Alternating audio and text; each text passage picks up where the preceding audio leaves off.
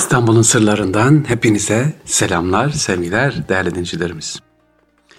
Güzel bir mübarek aya girdik. Ramazan-ı Şerif'teyiz. Hepimize mübarek olsun inşallah. Sevgili dinleyiciler, İstanbul'un sırlarında hep anlatılır. 7 seneyi doldurduk. İstanbul'da Ramazan nasıl nasıl tabii farklı. Ama bu sene diyorum ki sevgili dinleyiciler, Ramazan ayının ilk İstanbul'un Sırları programında sizlerle. İşte İstanbul'da şöyleydi, İstanbul'da böyleydi anlatmayacağım.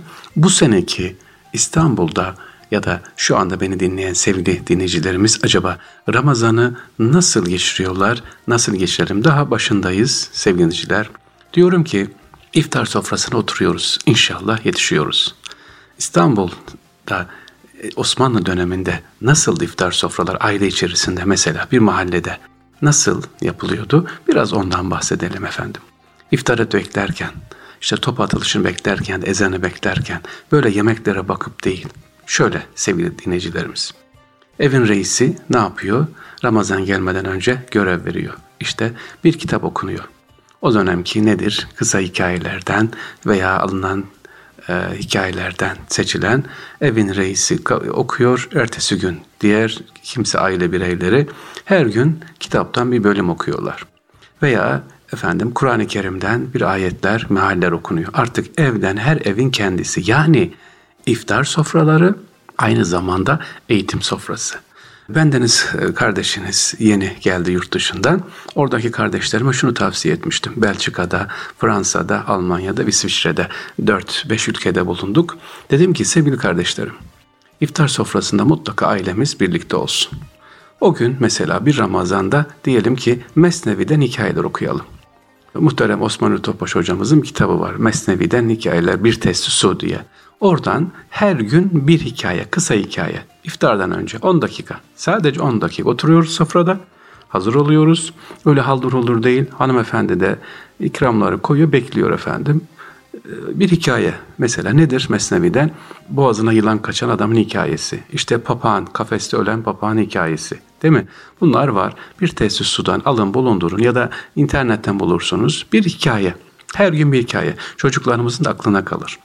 Bunu okuyalım diyorum. E, dolayısıyla iftar sofralarımızı eğitim haline getiririz. Ve ikinci bir tavsiyem de olmuştu oradaki e, kardeşlerimize. Dedim ki her gün bir misafiri kabul edin. Her gün bir misafir için hazırlayın. Nasıl yani her iftar sofrasına misafir mi çağıralım? Öyle demedim. Manen hazırlık yapın. Mesela bugün kimiz davet edeceğiz iftar soframızda? Sevgili çocuklar, gençler hazırlanın. Resulü Aleyhisselatü Vesselam'ı davet edeceğiz. İşte sahabeden filan zatı Selman-ı Farisi davet edeceğiz. Kapıya yazalım. Bugün misafirin bizim işte Selman-ı Farisi radıyallahu ya da Nasrettin hocamız mesela davet edelim. Bugün misafirimiz ilk iftarımıza kim gelecek? Nasrettin hocamız gelecek. Bir gün Yunus Emre'yi çağırın sevgili dinleyicilerimiz. Evet onu çağırın ve e, iftar sofrasından konuşurken Yunus Emre'nin hayatından, Yunus Emre'nin şiirlerinden bahsedelim. İşte Hacı Bektaşi Veli var. Ondan bahsedelim iftar soframızda. Başlamışken iftarda. Yani iftar yemek yerken haldır olur değil. Yavaş yavaş aheste aheste ne yapalım? İstanbul Beyefendisi gibi iftar sofralarımızı düzenleyelim. Demek ki ne yapıyormuşuz? İftardan önce bir mesneviden hikaye. Tabi bu Fahri kardeşinizin tavsiyesi. O gün mesela evin e, kimse görevli olan kimse, gençlerimiz, evin reisi, annesi, efendim çocuklar onlar hazırlanırlar ve bir misafir, manevi bir misafir bekliyoruz. Ona göre hazırlığımızı yaparız inşallah. Peki sevgili dinleyicilerimiz başka e, efendim sahur var. Sahurda nasıl yapacağız? Çocuklarımız kalkmıyor ya da kalkıyoruz bir su içip yatıyoruz. Ya da ne diyoruz işte yok ben yedim yattım diyoruz. Ama sahurun bereketi o teheccüdü ne yapıyoruz? Tam istifade edemiyoruz. Bir de sabah işe gideceğiz, yorgunlar ya da çocuklarımız okula gidecek. Diyorum ki sevgili anne babalar, çocuklarımıza diyelim ki sahura kalkarsan evin işte salonunda, mutfağında bir yerinde senin için küçük bir hediye var. Küçük bir yazı. Bul onu, al hediyeni.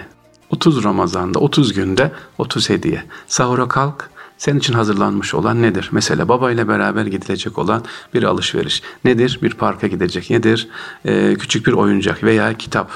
Artık ne yazmışsa 30 tane farklı böyle sembolik hediyeler. Ee, bir gezi çocuğun istedikleri neylerse efendim ya da alınacak bir kıyafet kız erkek ayrı.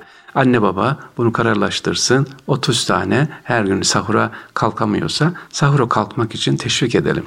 Ödüller, ikramlarla e, Ramazanımızı bereketlendirelim. Sahurumuz da aynı şekilde eğitim olsun efendim.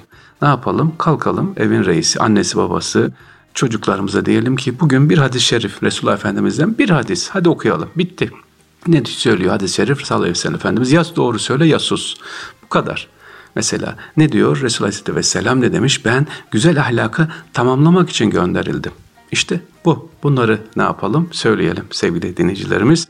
O zaman Ramazanımız gerçekten hem eğitim olur, bedeni hem zihni eğitim olur hem de manevi eğitim olur inşallah. Bu sene İstanbul'un sırlarında ilk Ramazan programımızda böyle Ramazan ayındaki ilk programımızda böyle bir tavsiyemiz oldu. İnşallah diğer programlarımızda İstanbul'un sırlarında İstanbul'da Ramazan nasıl geçiriliyordu, nasıl yapılıyordu? Sadece eğlence değil, sadece e, işte yemek tarifleri değil efendim. Farklı farklı geçiliyordu ama Ramazan deyince İstanbul'da esas olan şuydu. Eğitim, eğitim, eğitim. Niye üç tane eğitim?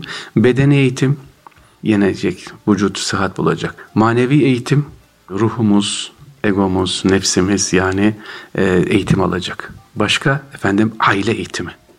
Aile bir arada aileyi tanıyacağız. Ailedeki iç iletişimimizi, psikolojik eğitimimize ne yapacağız? Ramazan vesilesiyle inşallah daha da kolaylaştıracağız efendim. Şimdilik bu kadar. İstanbul'un sırlarında Ramazanımız bereketli olsun inşallah. Sesim her kime nereye ulaşıyorsa sevgili dinciler güzel bir Ramazan olsun. Bayramımız şimdiden bayram olsun. Allah ulaştırsın. Maddi manevi ne kadar sıkıntılarımız, kaygılarımız varsa inşallah Rabbim gidersin efendim. Allah'a emanet olun. Hayırlı günler diliyorum.